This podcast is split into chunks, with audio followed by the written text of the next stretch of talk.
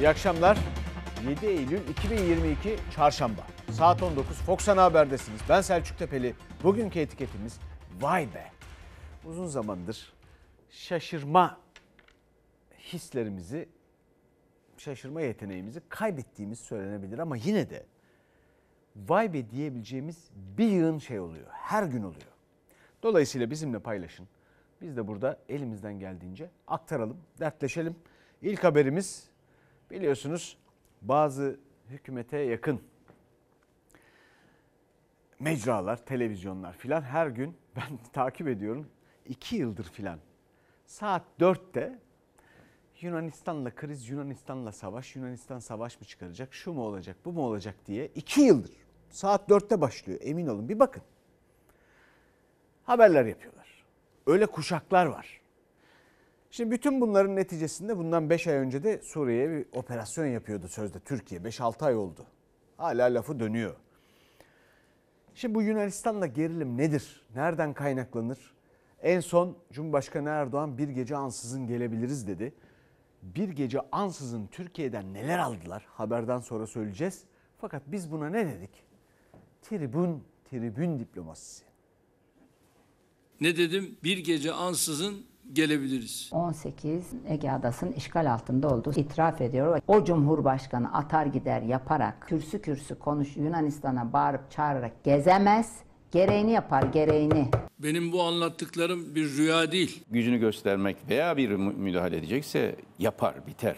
Cumhurbaşkanı Erdoğan'ın Yunanistan'la yaşanan adalar krizi sonrası artık çok sık dillendirdiği bir gece ansızın gelebiliriz ifadesine muhalefet o zaman gereğini yap diye ses yükseltti. Cumhurbaşkanı en son Bosna Hersek ziyaretinde hedef aldı Yunanistan'ı. Eğer ellerinde bu adalar var, bu adalarda üsler var filan falan buralardan hareketle bize karşı gayri meşru tehditler devam ederse sabrın da bir sonu vardır. 20 yıldır Yunanistan sizin görevinizi doğru yapmamanız yüzünden silahlandırılmaması gereken adaları silahlandırıyor. Onlarca soru önergesini ya cevapsız bıraktınız, ya inkar ettiniz ya da kaçamak cevaplar verdiniz. Dışişleri bakanlarınız geldiler mecliste çok sıkıştıklarında bu konulara girmeseniz iyi olur mu iyi olur demeyi tercih ettiler. Seçim senesi gelince bir gece ansızın gidebilirmiş. Ege'deki gerilim Yunanistan'ın gayri askeri statüdeki adaları silahlandırmasıyla başladı. En son Girit açıklarında S-300 Rus hava savunma sistemiyle Türk jetlerine radar kilidi atılması tansiyonu daha da yükseltti.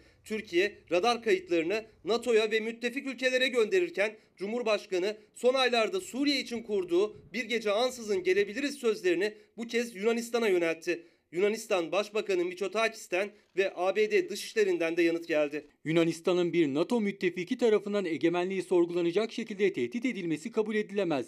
İyi komşuluk ilişkileri çerçevesinde diyalog kurmayı arzu ediyoruz. Bizim uçaklarımıza radar kilitlemesi, şu bu filan bu tür adımları atmak hayra alamet değil. Rusya'nın egemen bir Avrupa devletini yeniden işgal ettiği bir dönemde NATO müttefikleri arasındaki gerilimi artırabilecek açıklamalar bilhassa yararsız. Erdoğan'ın Yunanistan'a mesajında geçmişten referans vererek kurduğu cümleler de muhalefeti konuşturdu. Bu arkadaşlar iş başına geldiğinden beri verdikleri en büyük savaş Atatürk'le savaşmak. Savaş kelimesini bilerek kullanıyorum. Mücadeleydi. Şimdi Allah'ım ne büyüksün ya Rabbim. Sayın Erdoğan referansını oradan alıyor. Ey Yunan bak tarihe bak. Tarihe dön.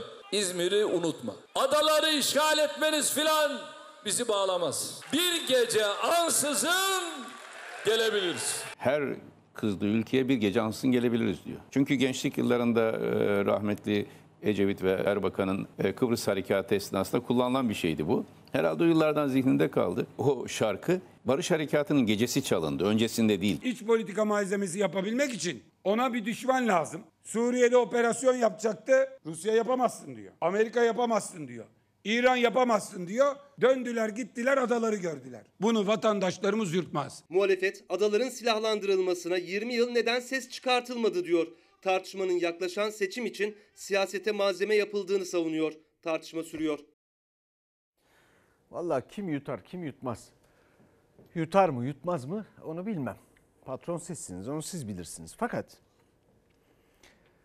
şimdi bizde S-400 diye bir şey var. Değil mi? 2,5 milyar dolar, 2 milyar dolar neyse Putin'e para ödedik. Putin'e ödedik. Ruslara gittiği yok o paranın. Putin'in cebine giriyor. Şimdi Yunanistan o bizden bir model eski. Onu da 1997'de yanılmıyorsam Kuzey şeyden e, Kıbrıs Rum kesiminden aldılar. Bunu kilitlemiş bizim uçaklarımız öyle diyorlar. Onu hedefledi. Bizim uçaklarımızı hedefledi. Ya bizde S-400'ler yok mu? Bu Yunanlılar, Yunan uçakları hava sahamızı ihlal ederken bizim S-400'ler nerede peki?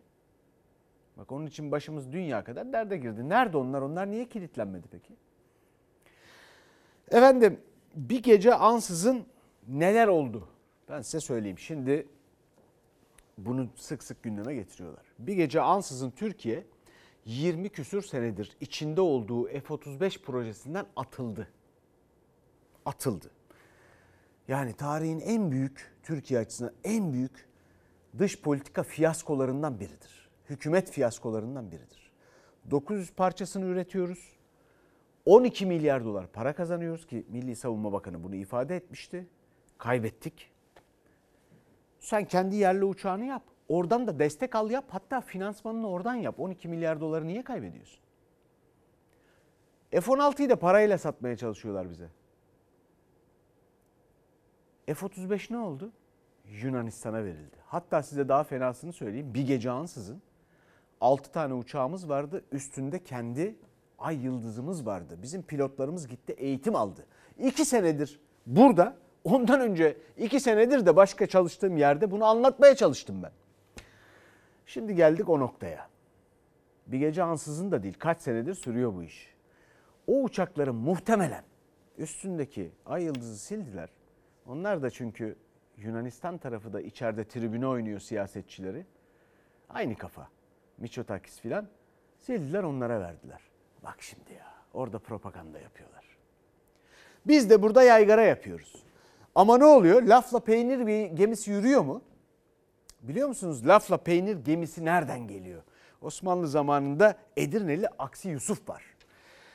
Edirne'den peynir getiriyor İstanbul'a, İzmir'e götürüyor. Ezine peyniri.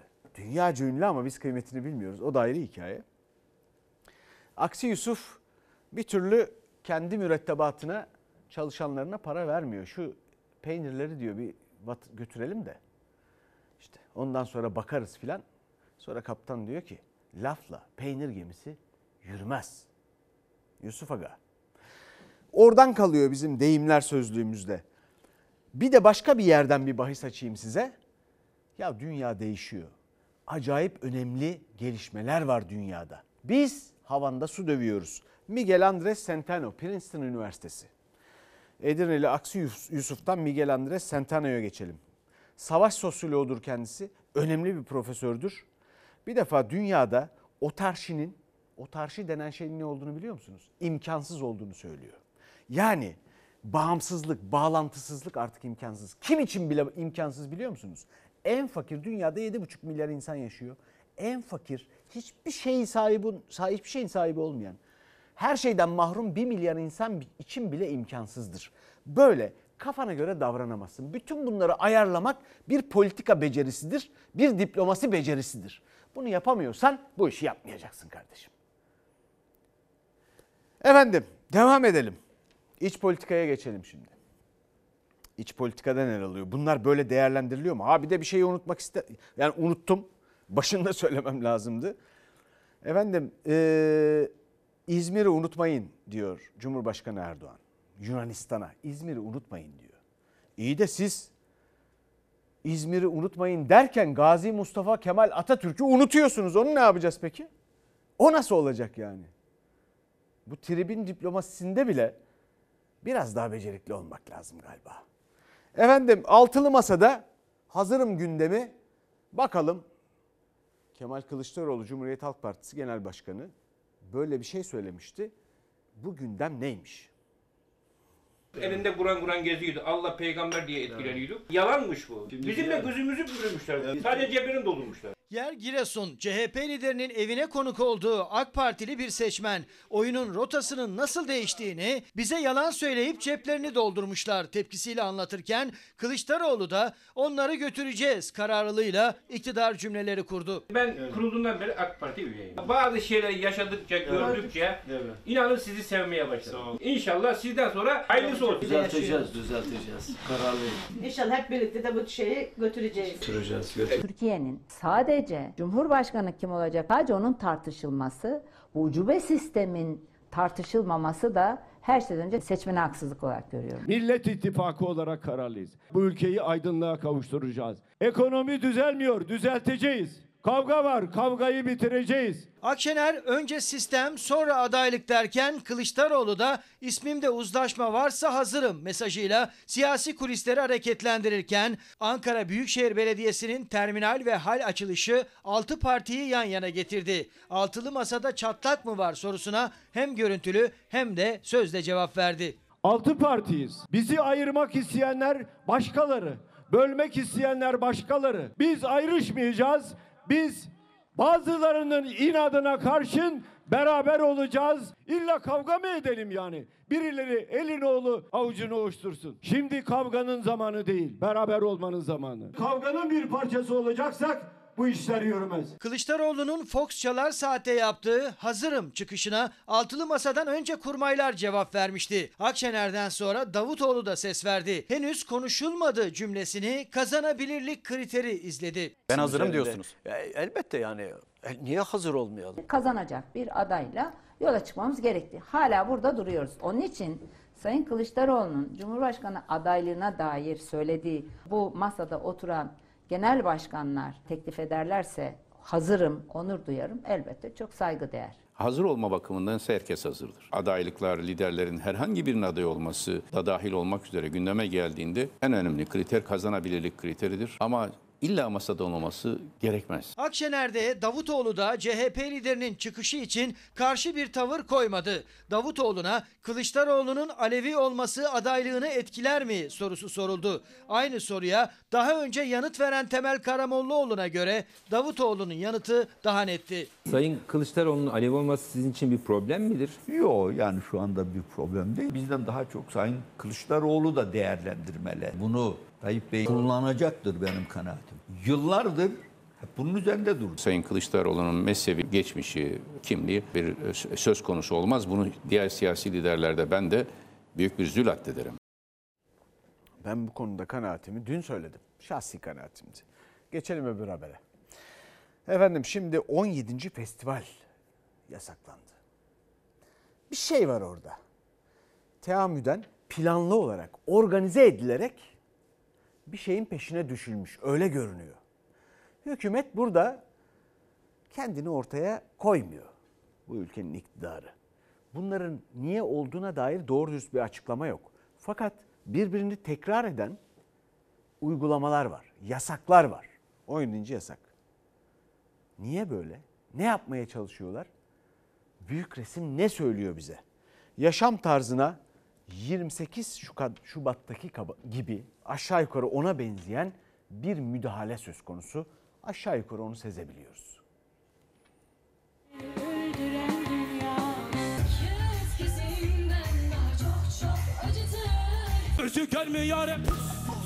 Eskişehir'de, Antalya'da, Muğla'da, İzmir'de, Karadeniz'de, Türkiye'nin Gökçeada'da, Ankara'da, Muş'ta, Diyarbakır'da en son Fethiye'deki Çağdaş Fest iptal edildi. Adalet ve Kalkınma Partisi'nin hukuksuzluklarına, rezaletlerine yetişmek mümkün değil. Birkaç ay içinde üst üste iptal edilen konser ve festival sayısı 17'ye çıktı. Fethiye'de Milyon Fest'ten sonra Çağdaş Fest'te konserlere bir gün kala iptal edildi. Sanatçılar sosyal medyadan tepki gösterdi. Fethiye'de katılacağım festival de iptal oldu. Hayırlısı. Yobazların baskısına bakalım kim dur diyecek. Önümüzdeki seçimde oy kullanacak bütün gençlere söylüyoruz. Adalet ve Kalkınma Partisi'ni Müdafaa-i İslam Hareketi diye hareket yönlendiriyor. Bu festivalleri iptal ettirip sonra da karşısına geçip göbek atıyorlar. Sizlerle dalga geçiyorlar. Çok üzücü. Dünya kadar emek ve emekçi mağdur oldu yine. 20 yıl önce Yapılan bu festivallerin hepsi rahat rahat yapılıyordu. 10 katına çıkması lazımken düşünün dünyada ne kadar gelişti her şey. Türkiye'de gençlere festival yaptırmayan ve onlara iftira eden bir anlayış var. Mayıs ayında Eskişehir'deki Anadolu Fest'te başlayan yasaklar tartışması Türkiye'nin dört bir yanından gelen konser ve festival iptali haberiyle büyüdü. Kimi zaman doğrudan devlet kurumları, kimi zaman da bazı sivil toplum kuruluşlarının uyarıları sonrası valilik ve kaymakamlıklar harekete geçti. Konser ve gençlik festivalleri yasaklandı. Gerekçe ise doğayı ya da toplumsal hayatı korumak oldu ama muhalefete göre asıl neden yaşama müdahale. Anneannelerin, babaannelerin, dedelerin biricik torunlarına, annelerin, babaların gözü gibi baktıkları çocuklara bu festivallere gittikleri için namussuzluk yapıyorlar diyenler, ahlaksızlık yapıyor diyen Müdafaa-i İslam Hareketi Adalet ve Kalkınma Partisi'nin iki elini böyle bağlamıştır.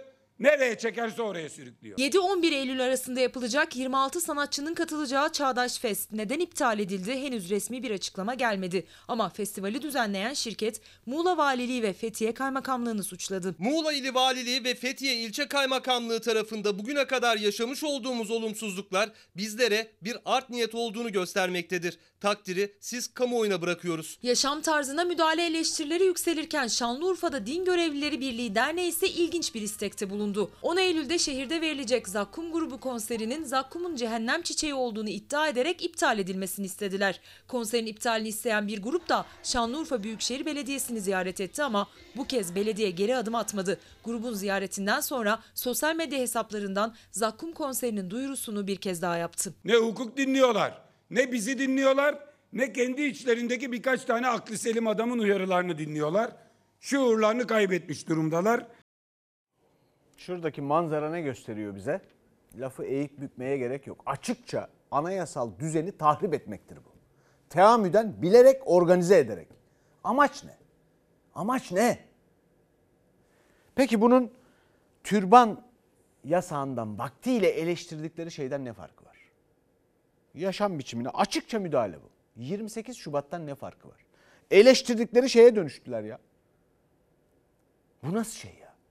Ve bunu bile isteye yapıyorlar. 17.si olmuş.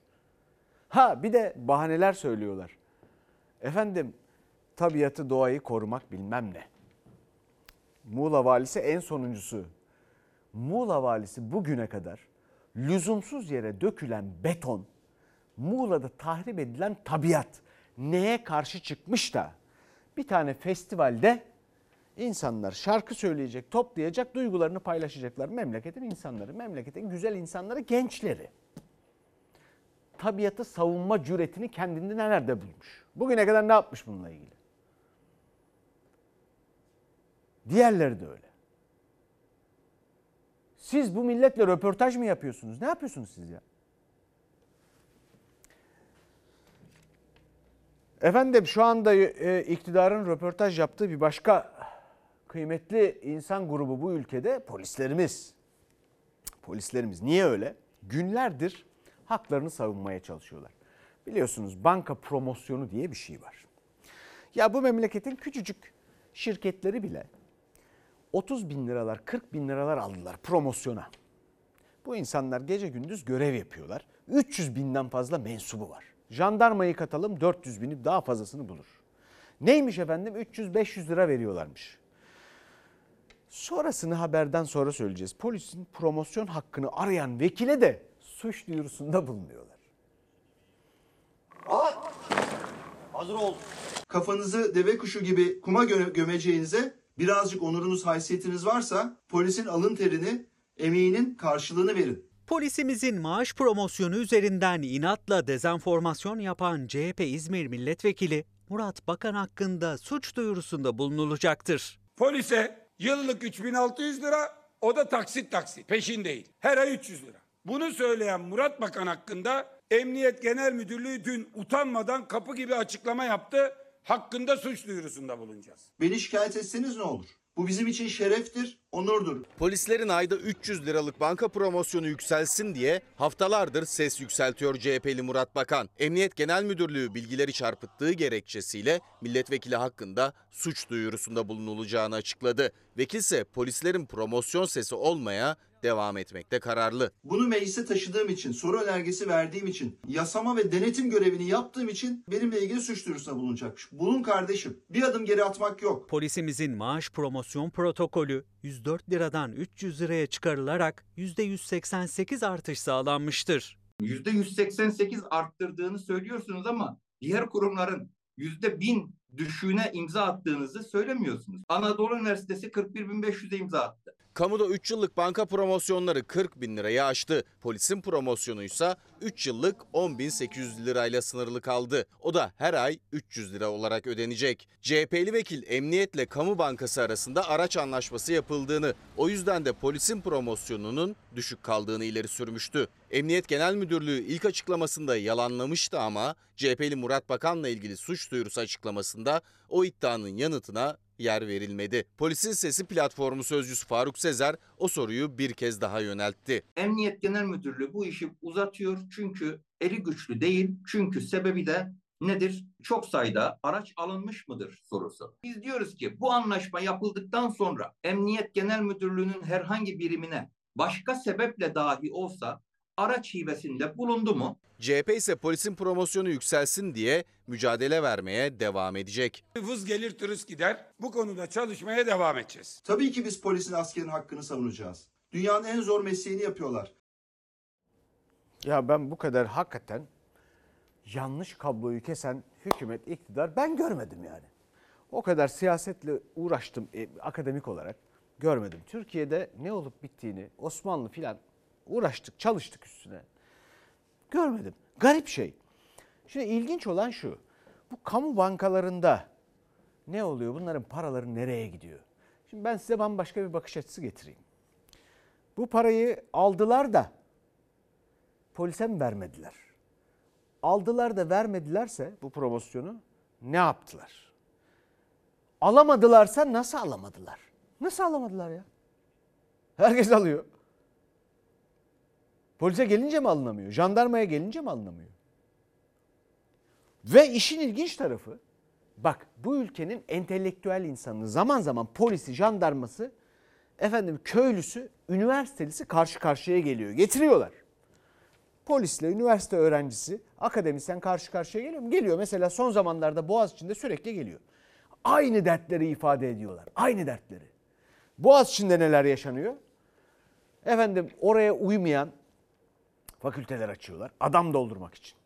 Kaynaklarını tüketmek için. Orada doğru dürüst bilimsel çalışma yapmak isteyen, özgür düşünceye sahip olmak isteyen insanları zorluyorlar. içeri sokmuyorlar. Eziyet ediyorlar. Bir sürü şey. Şimdi de en son Nobel jürisinde Nobel jürisinde üye olan bir profesörü Boğaziçi'nden kovmuşlar. Aferin size.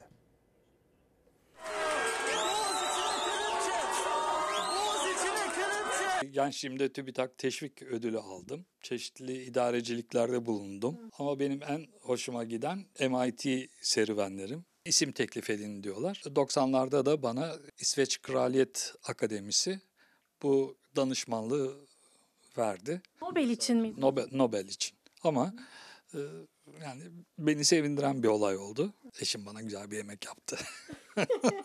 Robert Koleji mezunu. Amerika'da Yale Üniversitesi'nde doktora yapmış. 50 yılını Boğaziçi'ne adamış. Fizik profesörü Alpar Sevgen. Yaşadığı gurur verici olayı mütevazılıkla anlatsa da adını dünyaya altın harflerle yazdıran sayılı bilim insanlarından biri o. Başarılı akademisyen Nobel ödülleri için isim teklif eden jüride yer aldı. Hocaların hocası Alpar Sevgen'i dünya ayakta alkışlarken emekli olduğu halde ders vermeye devam ettiği, evim dediği Boğaziçi Üniversitesi Rektörlüğü onu okuldan uzaklaştırdı. Benim dersimi iptal ettiğiniz zaman o dersi alacak öğrencileri o haktan mahrum ediyorsunuz. Öğrencilerin dersleri alma hakkından mahrum bırakılması bir suçtur. Akademik bir suçtur. Bir insan ömrünü neye vermeli? Boğaziçi'li akademisyen Alpar Sevgen'in evine geldiğinizde işte bu sorunun cevabı olarak bu dev kütüphane karşılıyor sizi.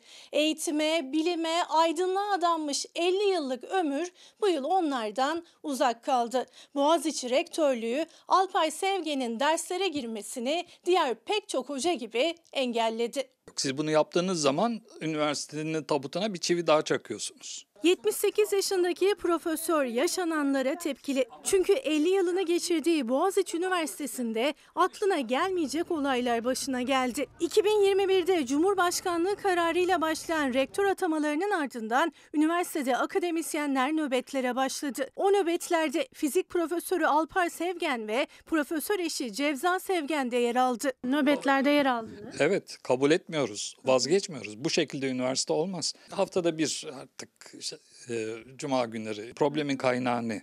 Dekanlar ve rektörler idari memurlardır. Akademik karar alamazlar. Akademisyenler birer birer derslerden uzaklaştırılmaya başladı.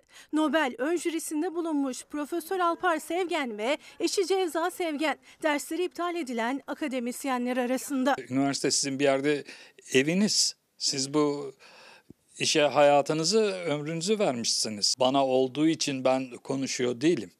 Biz baştan beri konuştuğumuz için zaten belki bunlar başımıza geldi. Profesör Alpar Sevgen, başarılı nesillerin yetiştirilmesi için dünyada ses getiren ama kendi ülkesinde sesini duyuramayan başarılı akademisyenlerin sesi oldu. Chicago Üniversitesi 90. Nobel'ini kazandı. Nedir bu Chicago'nun e, sırrı? Fikrin olacak, fikrini korkmadan söyleyeceksin ve ben senin arkandayım diyor. Bizim hocalar dersine girsin çıksın başka fikir istemem diyor. Eleştiri falan yapmasınlar diyor. Ve burası bir üniversite. Şimdi ekonomiye emeklimizin, çalışanımızın, işçimizin, çiftçimizin, esnafımızın, kobimizin, o insanların dertlerine, daha sayamadığım herkesin, öğrencimizin dertlerine sokağa dönmeden önce, sokakta, çarşıda, pazarda ne oluyor? Ona bakmadan önce bir şey söyleyeceğim. Demokrasiye yatırım yapmıyor bu hükümet. Bakın bu ülkenin evlatları hepsi. Seçimde iş başına gelmiş insanlar, bu memleketin milli iradesi. Kime oy vermiş olursa olsun, ne düşünüyorsa düşünsün. Oy vermek ayıp değil. Oy vermişse başımızla beraber. Fakat bir şey söylemek istiyorum. Demokrasiye yatırım yapmadığınız sürece bu ekonomik meseleleri çözemezsiniz. Orta demokrasi sorunlarını çözmediğiniz sürece, orta demokrasiyi hapset, hap, onun, için çalışıyorlar. Onun da altına iniyoruz. Ucuzlatıp Orta Doğululaştırmaya çalışıyorlar. Bu ülke bunu kabul etmez. Bunu çözmediğiniz sürece ekonomi meselesini, gıda meselesini dedektifle, hafiyeyle, şunla bununla, patlıcan bilmem nesiyle, evet bekçisiyle falan çözemezsiniz. Peki bakalım şimdi insanlar çarşıda, pazarda ne söylüyorlar?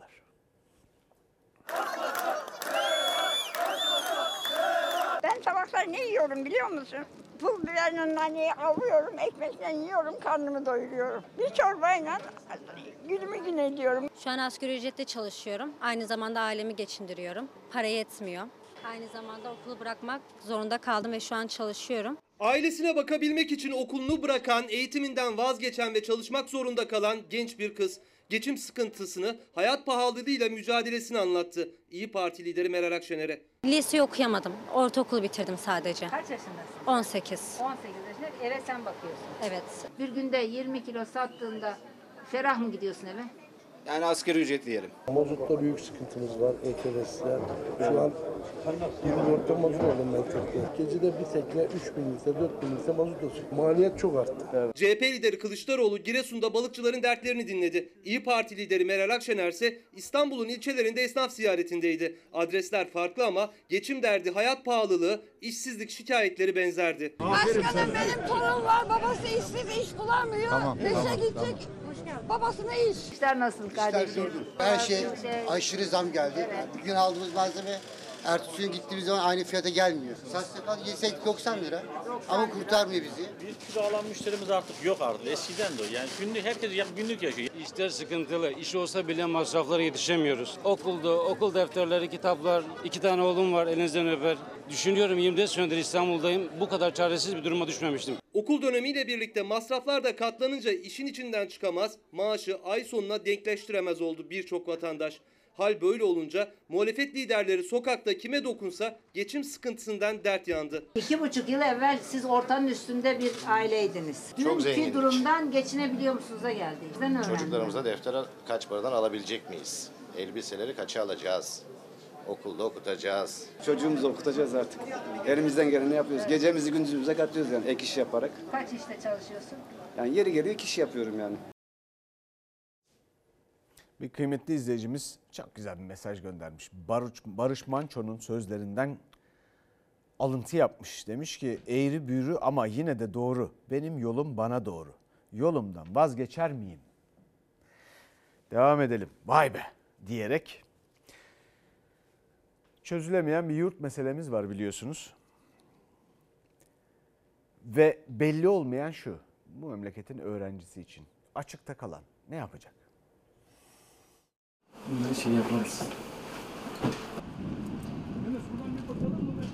Bu yıl e, Boğaziçi Üniversitesi Yönetim Bilişim Sistemleri bölümüne yerleştim. YKS üniversite sınavında 935. olarak derece yaptım ve Tekirdağ'da yaşıyorum. Bana yurt hakkı çıkmadı. Şu an İstanbul'da kalacak yer arıyorum. İlk yerleştirmemizde yüzde seksenlik rekor bir karşılama oranına imza attık. Endişeli olmadan bu süreci en yakın şekilde takip etmeye devam et, e, tavsiye ediyorum. KYK yurt yerleştirme sonuçları açıklandı. Gençlik ve Spor Bakanı yerleşemeyenler için endişe etmesinler dedi. Ama yurt çıkmayan aileler de öğrenciler de endişeli. Çünkü devlet yurdunun alternatifi ya özel yurt ya da ev kiralamak. İkisi de çok pahalı. Çıkmayınca şok olduk, e, üzüldük. Hemen e, geç kalmadan işte ev bakalım, yurt bakalım. Kaygılandık, endişelendik ki bir an önce yurt bulmaya geldik. KYK yurt sonuçları açıklandı. Devlet yurdu çıkmayan öğrenciler kalacak bir yer arayışında. Ancak ev kiraları bir öğrencinin karşılayamayacağı kadar yüksek. Özel yurt ücretleri ise kiralar kadar pahalı. Bu süreçte öğrenciler ve aileleri ise çıkmazda. Özel yurtların fiyatları gerçekten çok yüksek. 5 bin, 10 bin bandında. Ümraniye'de 4 kişilik bir odadayız. Çok küçük. Benim bir öğrenci olarak burada ders çalışabilecek bir yer açıkçası hiç bulamadım. Baktığımız zaman zaten e, nasıl bir yer olduğunu az çok görebiliyoruz. Türkiye 935.si oldu Yunus Efe. Boğaziçi Üniversitesi'ne girdi. Türkiye'nin en iyi okullarından birine yerleşmesinin mutluluğunu yaşayamadan KYK yurduna yerleşemediğini öğrendi. Devletten gerçekten yardım görmek isterdim. Baba oğul önce özel yurtların kapısını çaldılar. Görüyorsunuz ders çalışmak alanı yok. Sadece buraya uyumaya gelecek. Bu dört kişilik odada dördü de öğrenci bunlarım ve zorluk çekerek okul okuyacaklar. İşte buna üzülüyorum. Şoförlük yapıyorum. Aldığım 6 bin lira maaş. Bu bizim sadece gıdamızı karşılıyor. Yani karnımızı doyuruyoruz. Çocuk okutmak için bütçemiz yetmiyor. Şimdi özel yurtlara gittik 5 bin ile 10 bin arası. Özel yurtlardan sonra emlakçıları gezip adım adım ev aradı Efe ailesi. Camlarda yapışık ilan bulursak onları değerlendiririz. Aramaya devam edeceğiz. Çünkü bulmalıyız. Yurt yok. Beraber bakalım. İnşallah. 2 artı 1 var. 6,5 milyar istiyorlar bahçe katı. Çok yükselmiş. Fiyatlar bayağı yükseldi. 4,5-5 istiyorlar. Dairemiz bu. Biraz bodrum gibi duruyor. Bodrum değil, bahçe katı oluyor burası. Burası 80 metre 2 artı 1.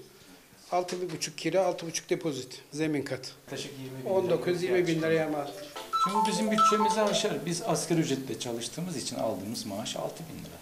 Özel yurtlara baktıktan sonra yine aynı bölgede Ümraniye'de kiralık dairelerin fiyatlarına da baktık. Civarda tutulabilecek en uygun fiyatlı zemin kat bir dairenin fiyatı bile 6500 lira. Kiralık daire fiyatları asgari ücretin üstünde. Baba Hasan Efe'nin gönlünden geçen oğlunu kalacak bir yere yerleştirmek. Ancak aldığı maaş buna el vermiyor. Baba oğul kara kara okul açılana kadar ne yapacaklarını düşünüyor. Kapı kapı gezip İstanbul'da yer arıyoruz. Keşke böyle olmasa. Bu iyi bir okul kazanmış, barınacak yeri yok. İşte insan üzülüyor. Vay be. Bütün yatırımını inşaata yap. Ondan sonra en büyük golü inşaattan ye. Kiralara bakın. Düşüreme kiraları. Halledeme bu konut meselesini. Ya ben size söylüyorum. Herkes diyor ki kendi çıkarlarını düşünüyorlar falan filan. İktidardan bahsediyorum. Kendi çıkarlarını düşünmek için bile yetersizler. Ben size söyleyeyim. Bu ülke 10 sene içinde İtalya, Fransa ayarında bir ülke olur. Ama istemekten vazgeçmeyin. Patron sizsiniz. Bu ülke sizin. Kırtasiyeciye, esnafa bakalım şimdi. Onlar da zorda. Biz burayı 12 ay bekliyoruz. Okullar açılıyor, 15 gün iş yapıyoruz. Ama bize iş yaptırmıyor kimse. Ne satacağımızı bilemedik. 1 Eylül'de balık sezonu başladı. O zaman hepimiz balık satalım. Kuyumcusu, manifaturacısı herkes balık satsın o zaman. Devletin buna bir an önce çözüm bulup kesinlikle bu ürünlerin oradan çıkarılması gerekiyor. İnce hesaplarla kılı kırk yaran dükkan dükkan dolaşarak en uygun fiyatta alışverişin yolunu arayan veliler gibi dertli kırtasiyecilerde. Onlar için eğitim sezonu satış demek, gelir demek. Ama kırtasiye ürünlerinin marketler başta olmak üzere birçok adreste satılmasına isyanlarını biz de kırtasiyelerde balık mı satalım sorusuyla gündeme taşıdılar. Biz kırtasiyeciler dışında herkes kırtasiyeci oldu. Biz ne satacağız? Sigortamızı yatıramıyoruz. Borçlarımızı ödeyemiyoruz. Halkım duy sesimi diyoruz. Bir personelin maliyeti en düşük 11-12 bin lira. 13 bin lira kira veriyorum ben buraya. 6600 lira falandı. Yani neredeyse %100'e yakın arttı. Elektrik faturamız 4600 falan yatırdım. Her ay ortalama 13-14 bin lira sadece stopaj yatırıyoruz. Yeni eğitim öğretim döneminde işleri biraz canlanır diye düşünüyorlardı kırtasiyeciler. Ama tam da bu dönemde son senelerde olduğu gibi marketlere yenik düştüler. Fiyat ve kalitede biz daha ucuzuz diyerek kepenk kapatmamak için çağrı yaptı Kitap ve Kırtasiyeciler Odası. Bu kuru boya ne kadar? Bizde 27 lira. Orada 35 lira. Pastel boyamız var. Bunun fiyatı 34 lira. Orada 54 lira. Nerede ucuzluk? Şöyle bir fiş göstermek istiyorum. Yaklaşık 10 gün önce küçük oğlumun kreş alışverişi için almıştım. Onun faturası ve tam 1700 lira sadece bir marketten almış olduğum fatura. Birinin ikiz çocuğu olsa, ikisi de kreşe gitmek zorunda kalsa 2000 liradan 4000 lira yapıyor ki bugün asgari ücret 5500 lira. Defterleri, boyaları, çantaları, bitmeyen masrafları. Gelir Gelir de asgari ücret. Nasıl başa çıkacaksınız? 3 çocuk var. Şimdilik büyüğümüzün karşılayacağız. İnşallah ilerleyen zamanlarda da diğerlerinkini karşılayacağız. Ancak bütçemiz teke yetiyor. Kırtasiyeciler satamamaktan, velilerse alamamaktan, alsa da parça parça almaktan şikayetçiydi. Öyle ki en ucuz adreslerden toptancılarda dahi etiketler zorladı. Düşünün sadece iki parçaya 100 lira verdim. Henüz kırtasiye alışverişini yapmadık. 1000 lira en az. Çünkü bir suluk 200 lira. Çelik istedi öğretmenimiz. Şu ana kadar e, toplam liste 2480 lira. Allah'tan bir çocuk. Zamlar sonrası okul alışverişi de özellikle dar gelirlinin cebini yakarken esnaf kırtasiyeciler dışında kırtasiye ürünlerinin satılmasının engellenmesini istiyor. Vay be. Bizim Ankara'dan Yeşim Karacaoğlu'nun oğlunun boyunu aşmış fatura o fiş. Görüyorsunuz değil mi? Şimdi gidelim bir de elektrik faturalarına. Elektrik faturaları, üretim, tarla, sulama, çalışma. Elektrik tarlayı çarptı. Ürünümüzü sularken elektrik, mazot. Elektriğin maliyeti yine arttı. E zam bize yansıyacak. Her şeyimiz bizim elektrik, mazot. Gittikçe artan maliyetler söz konusu. Artık gübreden mazota kadar bu temel olan şeylerin e, hemen sonrasında da şimdi başımıza elektrik çıktı. Ambalaj malzemelerimiz 5'e katladı. 2 liraya aldığım plastik kasa bugün 10 lira. Karton kutular keza yaklaşık 4'e 5'e katladı. Enerji maliyetlerimiz 3'e katladı. Tarımsal sulamada kullanılan elektriğe %20, sanayi elektriğine ise %50 zam geldi. Elektrik önce tarlayı sonra da paketleme tesisini çarptı. Adana'da çiftçi de sanayici de hesabın içinden çıkamadı. Bu enerji maliyetleriyle ayakta kalmamız çok zor. Bu senemiz gerçekten kötü geçiyor. Maliyetlerimiz çok aşırı arttı. Adana'da 15 yıla aşkın süredir işletilen bir paketleme tesisi burası. Tarımsal ürünler buraya geliyor, işleniyor, paketleniyor ve 81 ile büyük şehirlere doğru yola çıkıyor. Bu ürünlerin paketlenmesi için kullanılan ana maddelerden biri de enerji, elektrik. Ancak son gelen zamlardan sonra tesis 50 bin ton olan yıllık kapasitesini 10 bin tona kadar düşürme kararı aldı. Tüm e, giderlerimiz 3'e katladı, 5'e katlayan giderlerimiz var. Bu maliyetlerle bu işletmelerin idami olması çok zor. Vedat Eşme tarım ürünü paketleme tesisi çalıştırıyor yıllardır. 1 Eylül'den itibaren kullandığı sanayi elektriği %50 zamlandı. Zaten altından kalkamadığı maliyetler daha da katlandı. Alarmın şiddeti her geçen ay daha da kuvvetlenerek arttı. Özellikle de elektrik kullanmak zorunda kalan tesisler için. Tıpkı bu tesis gibi. Bu tesiste geçen yıl Temmuz ayında elektrik faturası 41 bin liraydı. Bu sene Temmuz ayındaysa fatura 204 bin lirayı aştı. Üstelik kullanım oranı da azalmış olmasına rağmen tesis şimdilerde kısıtlamaya gittiği elektrik gibi küçülmeyi de düşünüyor. Bunun faturası sadece bana tabii ki çıkmayacak. Yani ülkemizin durumu malum. Küçültmek zorunda kalırsam kime çıkacak? Yanımda çalışanlara da çıkacak. Üretici ekim alanlarındaki atması gereken gübreyi düşürürken, mazotta sürmesi gereken tarlayı minimuma düşürürken, şimdi de elektriği aza ya da hiçbir şekilde kullanmamaya başladı. Elektrik, su, mazot bu tip girdilerin yükselmesi aniden bizim belimizi büküyor. Üretimimizi %50 şeklinde düşürüyor yani. Hem sanayici hem de çiftçi elektrik faturalarından dertli. Tarlada başlayıp paketlemeyle devam eden maliyet artışı sofraya kadar uzanıyor. Tüketiciyi de vuracak, üreticiyi de vuracak, rafa, standlara yansıyacaktır. Buradayız işte siz bir siz geldiniz. Başka kimseyi görmedik. Tarım Bakanımıza diyoruz gelsin görsün yani. Haber merkezinden arkadaşımız Gamze Dondurmacı ve kameraman Ayhan Dursun Adana'daydı. Önemli bu. Bu izlenimler önemli. Mazotu, elektriği sübvanse edince gıdanın fiyatını kontrol etmek mümkün. Ama bir sürü karma karışık anlaşılması zor desteklemelerle kimin de faydalandığı belli olmayacak bir biçimde durum içinden çıkılmaz bir hale geliyor. Peki şimdi gidelim Şanlıurfa'ya. Orada da arkadaşımız Gülşah İnce vardı. Kameraman Ömür Dikme ile birlikte Şanlıurfa'daydı. Bu sefer iyi bir haber. Benim kanaatimce bakalım sözleşmeli besiciliğe. Bak hayvanlar zayıflanmış. Besleyemiyoruz yani. Daha önce besliyorduk ama şu an besleyemiyoruz. 40 tane de vardı. Şu an bak 4-5 tane kalmış. 200'e yakın sattık. Bir sürü ahırımız var. Sadece şunlar kaldı. Maliyetler arttı. Besiciler hayvanlarına bakamaz oldu. Ahırların bazıları boş, bazılarında 4-5 hayvan kaldı. Besiciler yıllardır destek beklerken çözüm olarak sözleşmeli besicilik modeli devreye girdi. Türkiye sözleşmeli öğretmenlerden sonra şimdi de sözleşmeli besicilerle tanışacak. Biz zaten birçoğunu sattık. Ee, saman olsun, şu olsun filan artık alamıyoruz. Fiyatlar zaten uçtu. Besici yüksek maliyetlere çözüm bekliyordu. Besiciyken göremediği desteği sözleşmeli besici olunca görecek. Resmi gazetede yayımlanan yeni modele göre 200'e kadar sığır için besicilere destek ödenecek. Karkas ağırlığına göre destekler kilogram başına 2,5 lirayla 5 lira arasında olacak. Kilo başına 3 lira destek kurtarır mı sizi? Yok. Kurtarmaz. Hayvan e, yılda diyelim 3 ton saman yesin. Bunun ayrıca arpası var, fenisi var. Yani bunu vesaire vesaire her şey var.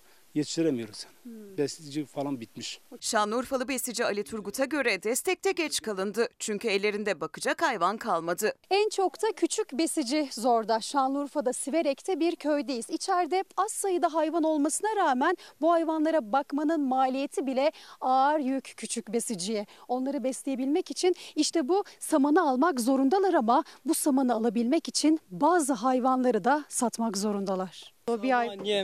Hepsi pahalıdır. Dört hayvanınız vardı, üçe düştü. Evet. O bir hayvan nereye gitti? Yeme gitti o. Onu satıp yem aldık. Satarken tabii üzüldük. Kime gitti hayvanlar? Biz satıyoruz zaten. Giden gitmiştir. Tüccara büyük mali gidiyor. Sözleşmeli besiciliğin hayvan varlığını artırıp artırmayacağı merak konusu. Çünkü 5 yıl boyunca büyütülen hayvanları et ve süt kurumu alacak. Yani et fiyatlarının dizginlenmesi amaçlanıyor ama uzun vadede ahırların yeniden hayvanlarla dolması zor görünüyor. Bu hayvanlar sadece sizin ailenizi mi besliyor? Evet sadece. Ve biz ne olacağız? Onu siz düşünün. Devlet düşünsün. Tatlı su siyasetçileri dedi. Böyle bir pazarlığa dönüşürse... Tam bir baskın yönetmelik oldu. Ben bunda değilim bu yanlıştır zaten diyorum. İkinci bir kur krizini engellemeye çalışıyorlar. İsabetli yorumlarla, kulis bilgilerle, son dakika haberleriyle, önemli haberlerle karşınızda olacağız. İkinci sezonda aynı heyecan, aynı kararlılıkla başlıyor. Cuma akşamlarının klasiği orta sayfa 9 Eylül'de izleyicilerine merhaba diyor. Olup biteni anlatacağız. Temiz bir ekran vaat ediyoruz. Temiz ekran ve sadece gerçekler. Belgeli habercilik orta sayfayla geri dönüyor. Toplamda 2,5 milyon hane elektrik desteğinden yararlanacak denilmiş. Haberin saati yok. En sıcak haberleri yine orta sayfa duyuruyor. Resmi gazeteyi bekliyoruz. Bakalım geçen hafta olduğu gibi sürpriz e, olacak mı? Kapıların ardında ne mi konuşuldu? O kapıyı da orta sayfa aralıyor. 5500 civarında bir şey olsun da denilebilirmiş o. Seçim yolculuğunda en doğru analizlerin adresi de yine orta sayfa. Soruşturun bakalım kaç tane işletmenin faturaları ödenemiyor. Fakat olmuyor olmuyor olmuyor çünkü taşıma suyuyla değirmen döndürüyorlar. Az kaldı 9 Eylül'de başlıyoruz. Size İzmir'den merhaba diyeceğiz. Bu topraklar için çok önemli bir tarihin yıl dönümünde bir tarihin yazıldığı yerde olacağız. Çok kritik bir seçime giriyoruz. Tarafsız, cesur ve bağımsız ekranımızda konuşulmayanı yine biz konuşacağız. Gerçekleri sizinle buluşturacağız. Orta sayfa 9 Eylül Cuma 23.30'da Fox'ta. Sözleşmeli besicilik. Arkamda tatlı hayvanlar görüyorsunuz. Onların detaylarına girecek değilim. Biz etlik hayvan üretmiyoruz bir kere. Hep sütlük hayvanlarımızı kesiyoruz. Bunun için pek de düşünen yok bu ülkede. Ama neyse. Mesela şu Belçika mavisinin erkeği. Neyse detaylara girmeyeceğim ama başka bir şey söyleyeceğim. Bu iyi bir gelişme. Kaç senedir burada anlatmaya çalışıyorum.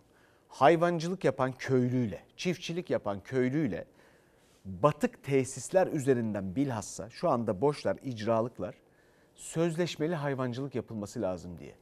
Burada eleştirdiğimiz çok zaman oluyor ama bu sefer konunun arkasında Tarım Bakanlığı var. Kutluyorum. Et Süt Kurumu var. 5 yıl boyunca alacakmış, alım yapacakmış. Tamam. Üstelik bir şart var. 200 başın altında. Avrupa Birliği'nin de uzun yıllara dayanan tecrübesinin kriteri bu. 200 başın üstünde verimli olmuyor. Altında diyor. O da doğru. Bir izleyicimiz demiş ki vay be yıllardır taşeron işçilere kadro sözü verildi. İnşallah bu sene sözler tutulur demiş. Bakın köylülerin sözleşmeli olma şansı bile olmadı. Onlarla devletin onların yolunu açabileceği, biraz finanse edebileceği sözleşmelerle hayvancılık yapması iyi bir gelişme olabilir. Dolayısıyla bakalım takip edeceğiz. Bence iyi bir haber bu. Dolayısıyla Tarım Bakanlığı'na bununla ilgili hükümetin Cumhurbaşkanı Erdoğan liderliğinde artık kimin katkısı varsa eyvallah. Şimdi bir ara. Siyasetle niye bu kadar uğraşmak zorunda kalıyoruz ki? Hepimiz yorgun düştük. Aslında hepimiz işimize bakmak istiyoruz. Ama işte otobüsün şoförü meselesi. İnsanlar uykuya yatamıyor sürekli gözleri direksiyonda. Güvenmedikleri için iktidara. Woody Allen senaryosunu kendi yazdığı ve aynı zamanda yönettiği filmlerinden bir tanesinde karakterlerinden birine çok güzel bir şey söylemişti. Siyaset kadar geçici bir şey yoktur. İyi de peki neyi merak etmek lazım diye karşısındaki soruyordu. O da cevap veriyordu. Hepsi bu mu? Hayat gelip geçiyor. Hepsi bu mu yoksa daha fazlası var mı? Efendim bizden sonra İlker Ayrık'la kazanan restoranın final bölümü var. Yarın görüşmek üzere. İyi akşamlar. Anadolu bir yanda, yiğit yaşar koynunda.